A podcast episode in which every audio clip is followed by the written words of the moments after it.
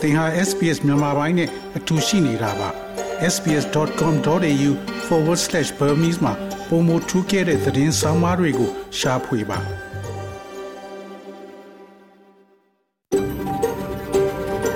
SBS A world of difference You're with SBS Burmese on mobile, online and on radio. mobile online နဲ့ radio ပေါ်မှာသင်ဟာ SPS မြန်မာပိုင်းနဲ့အ တူရှိနေတာဖြစ်ပါတယ်တော်ရရှင်များချစ်သည်မင်္ဂလာဖျားဖျားနဲ့ပြည့်စုံတော်မူကြပါစားခင်ဗျာ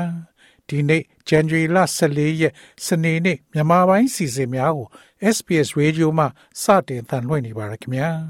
ဒီနေ့စီစဉ်များကိုကျွန်တော်ကြော်ထွန်းအောင်ခေါ် Terrell အောင်ကတင်ဆက်ပေးသွားမှာဖြစ်ပြီးယနေ့ပါဝင်မဲ့အစီအစဉ်များမှာတော့သင်နေထိုင်ရာစိန်နှံဆိုပြေရေးရဲ့အရေးပါမှုဆိုတဲ့ဆောင်းပါ ဩစတြေးလျနိုင်ငံမှာမူလပိုင်ရှင်များရဲ့အခွင့်မသာမှုများကို လေးလာခြင်းဆိုတဲ့ဆောင်းပါးနဲ့သံရွက်ခက်ကပေးပို့ထားတဲ့ထောက်ပံ့မှုအားနည်းချက်တွေကြားက HIV ဝေဒနာရှင်များဆိုတဲ့ဆောင်းပါးတို့ဖြစ်ပါတယ်။ဒီနေ့ကောင်းကြီးပိုင်းသတင်းတွေကတော့ hydrogen hub အတွက်ဒေါ်လာ390ရင်းနှီးမြုပ်နှံမည်ဟုဆိုကံဘလူးမြို့နယ်တွင်စစ်ဘေးရှောင်တွေစီကရိတ်ခါတွေအလုခံနေရတရုတ်ရှင်ကျန်းတွင် နေဆက်ဖြတ်ကျော်ခွင့်မပြုမူဝါဒကျင့်သုံး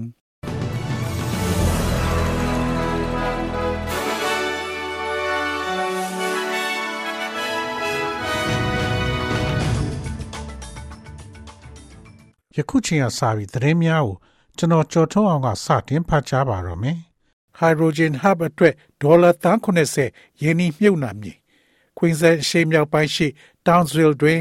Hydrogen ဗဟိုချက်အသစ်ကို တိဆောက်ရန်ဝန်ကြီးချုပ် Anthony Albanese ကထုတ်ဖော်ကြေညာခဲ့ပါတယ်။၎င်းသည်နိုင်ငံတော်ဝန် Hydrogen စက်ရုံများတွင်ယင်းနှမြုပ်နှံထားသည့်ဒေါ်လာဘီလီယံတဝက်ခန့်ရှိသော Federal အစိုးရအစီအစဉ်ရဲ့တစ်စိတ်တစ်ပိုင်းဖြစ်ကြောင်းဝန်ကြီးချုပ်ကပြောကြားခဲ့ပါတယ်။အမှန်မှအနာဂတ်တွင်သူသေသနာပြုနေတဲ့ကမ္ဘာစီးပွားရေးများတွင် ကိုရီးယားဒါမှမဟုတ်အရှေ့မြောက်အာရှကအဆင့်မြင့်စီးပွားရေးတွေဖြစ်ဖြစ် EU ဒါမှမဟုတ် American ကပဲဖြစ်ဖြစ်ဒါကအားလုံးကိုဥတီနေပါတယ်။ဒီမှာ2030ခုနှစ်တွင်53ရာခိုင်နှုန်းဓာတ်ငွေ့ထုတ်လုပ်မှုကိုရှော့ချရန်အိန္ဒိယတွင်ဂတိကဝတ်ပြုထားတဲ့တစိမ့်တစ်ပိုင်းဖြစ်ပါတယ်။ဟိုက်ဒရိုဂျင်စက်ရုံအတွက်ဒေါ်လာ390ယင်းနှမြုံနှံမှုကအလောက်ကန်အသစ်ထောင်ပေါင်းများစွာကိုဖန်တီးပေးမှာဖြစ်ကြောင်းမစ္စတာအယ်ဘနီစီကထပ်လောင်းပြောဆိုသွားပါတယ်။ ကမ်ဘလူးမြို့နယ်တွင်စစ်ဘေးရှောင်တွေရဲ့ရိတ်ခါတွေအလူခံနေရကမ်ဘလူးမြို့နယ်ကိုထောင်ဖို့ရွာမှာတက်ဆွဲထားတဲ့မြန်မာစစ်အာဏာရှင်တပ်ဟာကိုထောင်ဖို့တိုက်နယ်အတွင်းမှာရှိတဲ့ခြေရွာတွေကို မကြာခဏနယ်မြေရှင်းလင်းဝင်ပြီးရွာတွေကိုမီးရှို့တာနဲ့ဒေသခံတွေကိုဖမ်းဆီးတာတွေလုပ်လို့ရှိတာကြောင့်ဒေသခံတွေဟာခြေရွာတွေမှာမနေရဲပဲတောထဲမှာရှောင်ပုန်းနေကြရတာတစ်နှစ်နီးပါးရှိနေပါပြီ။ ကိုထောင်ဖို့ရွာမှာတက်ဆွဲထားတဲ့မြန်မာစစ်အာဏာရှင်တပ်ဟာစစ်ပြေးဒုက္ခသည်တွေနေတဲ့နေရာတွေကိုစစ်ကြောင်းထိုးဝင်ရောက်ပြီးစစ်ရှောင်တွေတိုးလောင်ထားတဲ့ရိတ်ခါတွေကို လူယူလာတယ်လို့စစ်ရှောင်တွေကိုအကူအညီပေးနေတဲ့သူတူကပြောဆိုပါတယ်။ဒေသခံပြည်သူ့ကာကွယ်ရေးတပ်ဖွဲ့တွေက ကိုထောင်ပို့နဲ့တိုက်နယ်အတွင်းကခြေရွာတွေကိုပိတ်ဆို့ထားတဲ့အခြေအနေကြောင့်မြန်မာစစ်တပ်ကရိတ်ခါချက်တဲလာပြီးအခုလိုဒုက္ခသည်တွေရဲ့ရိတ်ခါကို လူယူတာမျိုးဖြစ်လာတာလို့စစ်ရှောင်တွေကိုကူညီပေးသူကပြောဆိုပါတယ်။မြန်မာစစ်တပ်ကဒုက္ခသည်တွေရဲ့ရိတ်ခါတွေကို မကြာမကြာအခုလိုလူယူနေတဲ့အဖြစ်တွေကြောင့်စစ်ပြေးဒုက္ခသည်တွေအတွက်စားတောက်ရေးအခက်အခဲရှိလာတယ်လို့လည်းပြောဆိုပါတယ်။ စစ်တပ်ရဲ့နယ်မြေရှင်းလင်းရေးထိုးစစ်နဲ့တိုက်ပွဲတွေကြောင့်စကိုင်းတိုင်းအတွင်းမှာအိုးအိမ်ဆွန့်ခွာထွက်ပြေးနေကြရတဲ့စစ်ရှောင်အရေးအတွက်ကတနေ့ထက်တနေ့ပိုပြီးတိုးလာနေပါတယ်။ပြည်သူ့ကာကွယ်ရေးတပ် PDF တွေဟာဒီဒေသခြေရွာတွေကို အခြေစိုက်ပြီးအချမ်းဖက်လုပ်ငန်းတွေလုပ်နေတဲ့ဆိုပြီးတော့လေမြန်မာစစ်အာဏာရှင်ကဆွဆွဲထားပါတယ်။တရုတ်ကရှင်ကျန်းနယ်တွင် နေဆက်ဖြတ်ကျော်ခွင့်မပြုသည့်မူဝါဒကိုကျင့်သုံးကုလသမဂ္ဂလူအခွင့်အရေးယုံသည်တရုတ်နှင့်ပတ်သက်ပြီးဆိုဝါသောအစီရင်ခံစာတစ်စောင်ကိုဩဂတ်စ်လကထုတ်ပြန်ခဲ့ကအနောက်မြောက်ပိုင်းရှင်ကျန်းပြည်နယ်တွင် နေထိုင်တဲ့ဝီဂါများနှင့်မွတ်စလင်လူနည်းစုများရဲ့အတိဒုက္ခကိုဖော်ပြထားပါတယ်။တရုတ်အစိုးရကဝေဂန်များကိုနိုင်ထက်စီးနှင်း ဖမ်းဆီးနေတယ်လို့လူအခွင့်အရေးအဖွဲ့များကနှစ်ပေါင်းများစွာဆွဆွဲခဲ့ကြောင်း Washington ခြေဆိုင် Voice of America တွင်ဖော်ပြထားပါတယ်။ American ပါဝင်အနောက်နိုင်ငံအများပြားကဝီဂါအပေါ်တရုတ်ရဲ့ပြုမှုဆက်ဆံပုံကို လူမျိုးတုံးသတ်ဖြတ်မှုအဖြစ်ဖော်ပြခဲ့ကြပြီးကျွန်လုတ်သားများထုတ်လုပ်တဲ့ကုန်ပစ္စည်းများတင်သွင်းခြင်းကို တားမြစ်ထားပါတယ်။တရုတ်ဆိုရရဲ့မူဝါဒမှာဝီဂါများကို နိုင်ငံကူးလက်မှတ်အသစ်မထုတ်ပေးရန်ဖြစ်တယ်လို့ဂျာမယ်ကဆိုပါတယ်။နာမည်အရင်ဖြစ်မပြောခြင်းကဂျာမယ်သည်တရုတ်အာဏာပိုင်များရဲ့လက်တုံပြန်မီကိုမြင်မြကြောက်ရွံ့နေသည်ကို ပြသနေပြီးဝီဂါများသည်တရုတ်မှတော့ခွာပြီးသည့်အတိုင်းမီဒီယာများနဲ့မပြောရန်တားမြစ်ခံထားရတယ်လို့ဆိုပါတယ်။ဂျာမယ်ကနိုင်ငံသားတို့ရောက်ရှိလာပုံနဲ့ပတ်သက်ပြီးနိုင်ငံကူးလက်မှတ်ရရနှစ်ပေါင်းများစွာစ조사ခဲ့ရကြောင်းနဲ့ ကျိုးနီစနစ်အားလုံးကိုဖျက်ချော်ခဲ့ရကြောင်းပြောဆိုပါတယ်။ရှင်ကျန်းပြည်နယ်အခြေအနေနဲ့ပတ်သက်ပြီးဝီဂါနိုင်ငံကူးလက်မှတ်ကိုင်ဆောင်ထားသူတိုင်းသည်မြည်သည့်တရုတ်အကောက်ခွန်တွေမဆိုပြည်내အာဏာပိုင်များရဲ့ခွင့်ပြုချက်စာရွက်စာတမ်းများတင်ပြရကြောင်းဂျာမယ်ကပြောဆိုပါတယ်။ခွဲဆုပ်မှုတွေစောင့်ဆိုင်းရတဲ့စရင်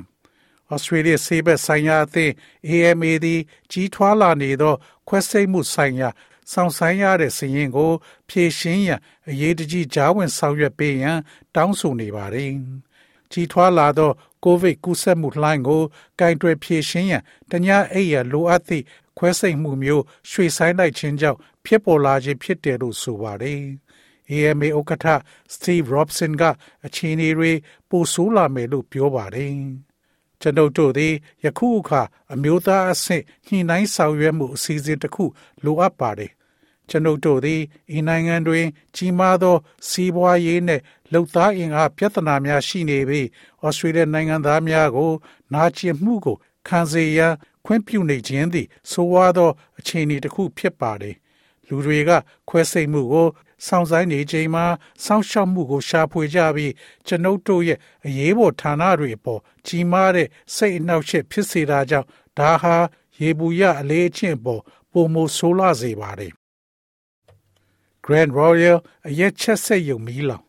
မြန်မာပြည်တွင်နာမည်ကျော်ပြည်တွင်အရက်လုပ်ငန်းဖြစ်တဲ့ Grand Royal အရက်ချက်ဆက်ယုံမီလောင်ကြောင်းမြန်မာနိုင်ငံမိသက်တပ်ဖွဲ့ကသတင်းထုတ်ပြန်ပါတယ်။ January လ23ရက်မွန်းလွဲ3နာရီခွဲတွင်ရန်ကုန်တိုင်းဒေသကြီးမော်ဘီမြို့နယ်လိတ်ပုတ်ကျွေးရအုပ်စုအမှတ်လေးလမ်းမကြီးရှိအရက်ချက်ဆက်ယုံမှာမီးလောင်ခဲ့သဖြင့်မော်ဘီမိသက်စခန်းမှကနာဦးငိမ့်သက်ခဲ့ပါတယ်။သို့သောမီးလောင်မှုမှာပုံများလာသဖြင့်9မိနစ်အကြာတွင် level 2သို့၎င်း6မိနစ်အကြာတွင် level 3အဆင့်သို့၎င်းတိုးမြင့်က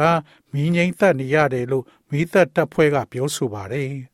မီးလောင်မှုမှာ Grand Royal အရက်ချက်ဆက်ယုံရှိအဆောင်တစ်ခုမှစတင်လောင်ကျွမ်းခဲ့ပြီးအရက်များထားရှိရာသို့မိထမှန်ကူးဆက်ခဲ့ခြင်းဟုအနည်းတွင်နေထိုင်သူချို့ကပြောဆိုပါတယ်။လက်တလောတွင်မီးလောင်မှုငြိမ့်သက်နေတဲ့ပရဟိတအဖွဲ့ဝင်တို့ချို့ထိခိုက်ဒဏ်ရာရရှိမှုများရှိနေတယ်လို့သိရပြီးဆက်လက်စုံစမ်းလျက်ရှိတယ်လို့ဆိုပါတယ်။ IBTC Company လက်အောက်ရှိ Grand Royal အရက်ချက်စက်ရုံတရုံမှာလည်းလွန်ခဲ့တဲ့10နှစ်ကျော်ကမီးလောင်ကျွမ်းမှုတစ်ခုဖြစ်ပွားခဲ့ပူပါတယ်။ January လ12ရက်ညပိုင်းကလည်းလှိုင်မြို့နယ်ရှိ ရေခဲဆက်ရုပ်တရုံတွင် အမိုနီယာဓာတ်ငွေ့ယိုစိမ့်မှုဖြစ်ပွားပြီးလှိုင်မြို့နယ်73ရပ်ကွက်နှင့်16ရပ်ကွက်နေထိုင်သူတချို့မူလဲအော့အန်ခြင်းများဖြစ်ပွားခဲ့ပါတယ်။ SBS SBS SBS SBS SBS This is SBS Radio.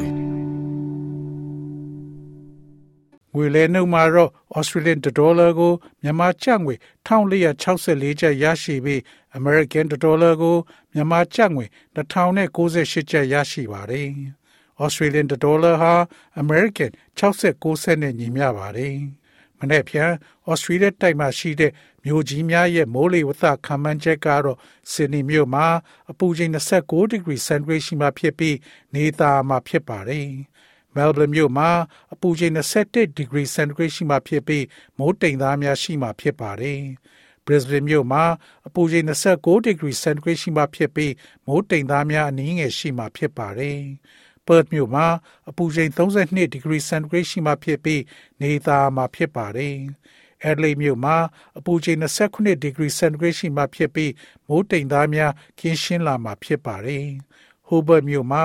အပူချိန်21 degree centigrade ရှိမှဖြစ်ပြီးမိုးတိမ်သားများအနည်းငယ်ရှိမှဖြစ်ပါတယ်။ Canberra မြို့မှာအပူချိန်31 degree centigrade ရှိမှဖြစ်ပြီးမိုးတစ်ဖြောက်နှစ်ဖြောက်ရွာသွန်းနိုင်ပါတယ်။ Darwin မြို့မှာအပူချိန်31 degree centigrade ရှိမှဖြစ်ပြီးမိုးရွာသွန်းမှာဖြစ်ပါတယ်။ဤတွင်သတင်းများကိုကြီးညာလို့ပြီးပါပြီခင်ဗျာ။